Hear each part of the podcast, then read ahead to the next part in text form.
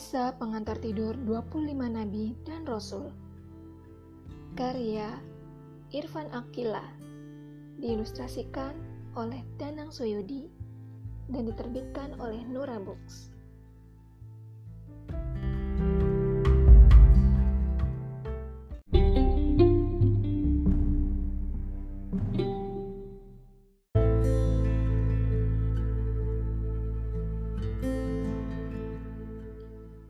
Kisah Nabi Adam alaihissalam Pada sebuah masa, Allah menciptakan bumi, langit, dan seluruh isi alam semesta. Allah juga menciptakan malaikat dari cahaya dan bangsa jin dari api yang sangat panas.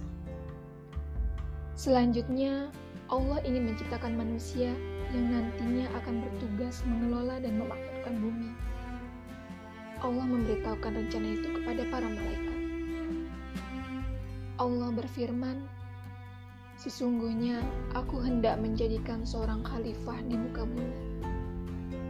Quran Surat Al-Baqarah ayat 30 Namun, para malaikat khawatir jika manusia yang akan diciptakan itu kelak membuat kerusakan di muka bumi. Malaikat bertanya, "Mengapa engkau hendak menjadikan khalifah di bumi itu orang yang akan membuat kerusakan padanya dan menumpahkan darah? Padahal kami senantiasa bertasbih dengan memuji engkau dan menyucikan engkau." Lalu Allah berfirman, "Sesungguhnya aku mengetahui apa yang tidak kamu ketahui." Allah kemudian mengambil segenggam tanah dari bumi. Tanah tersebut ada yang berwarna putih, hitam, kuning, dan merah. Itu sebabnya warna kulit manusia bermacam-macam. Dengan kekuasaannya, Allah membentuk sosok Nabi Adam, lalu meniupkan roh kepadanya. Setelah itu, bergeraklah jasad Adam, dan tumbuhlah kehidupan di dalam tubuhnya. Allah menganugerahi Nabi Adam akal dan pikiran yang cerdas, agar Nabi Adam bisa belajar mengetahui apa yang benar dan apa yang salah. Allah juga mengajarkan ilmu pengetahuan kepada Nabi Adam mengajarkan nama-nama benda yang ada di alam semesta. Kemudian Allah memerintahkan para malaikat dan jin untuk bersujud kepada Nabi Adam sebagai tanda penghormatan kepada makhluk Allah yang akan memimpin bumi beserta isinya.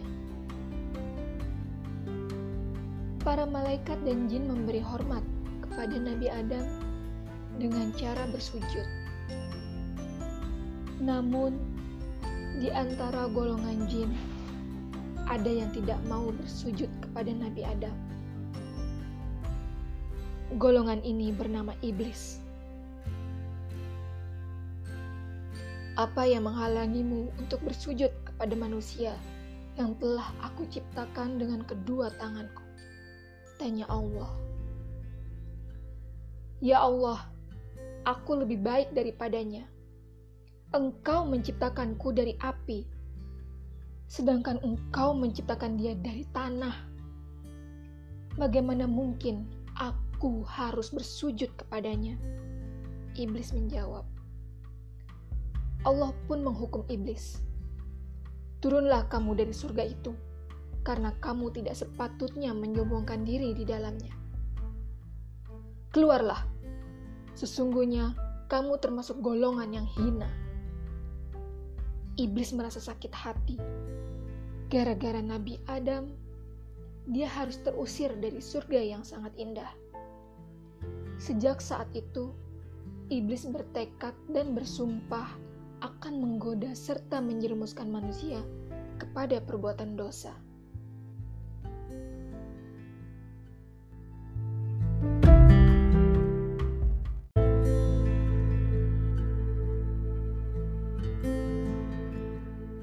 Sesungguhnya, aku akan menciptakan manusia dari tanah. Maka, apabila telah kusempurnakan kejadiannya dan kutiupkan kepadanya roh ciptaanku, hendaklah kamu tersungkur dengan bersujud kepadanya. Lalu, seluruh malaikat itu bersujud semuanya, kecuali iblis. Dia menyombongkan diri dan dia adalah termasuk orang-orang yang kafir. Quran Surat Sod ayat 71 sampai 74.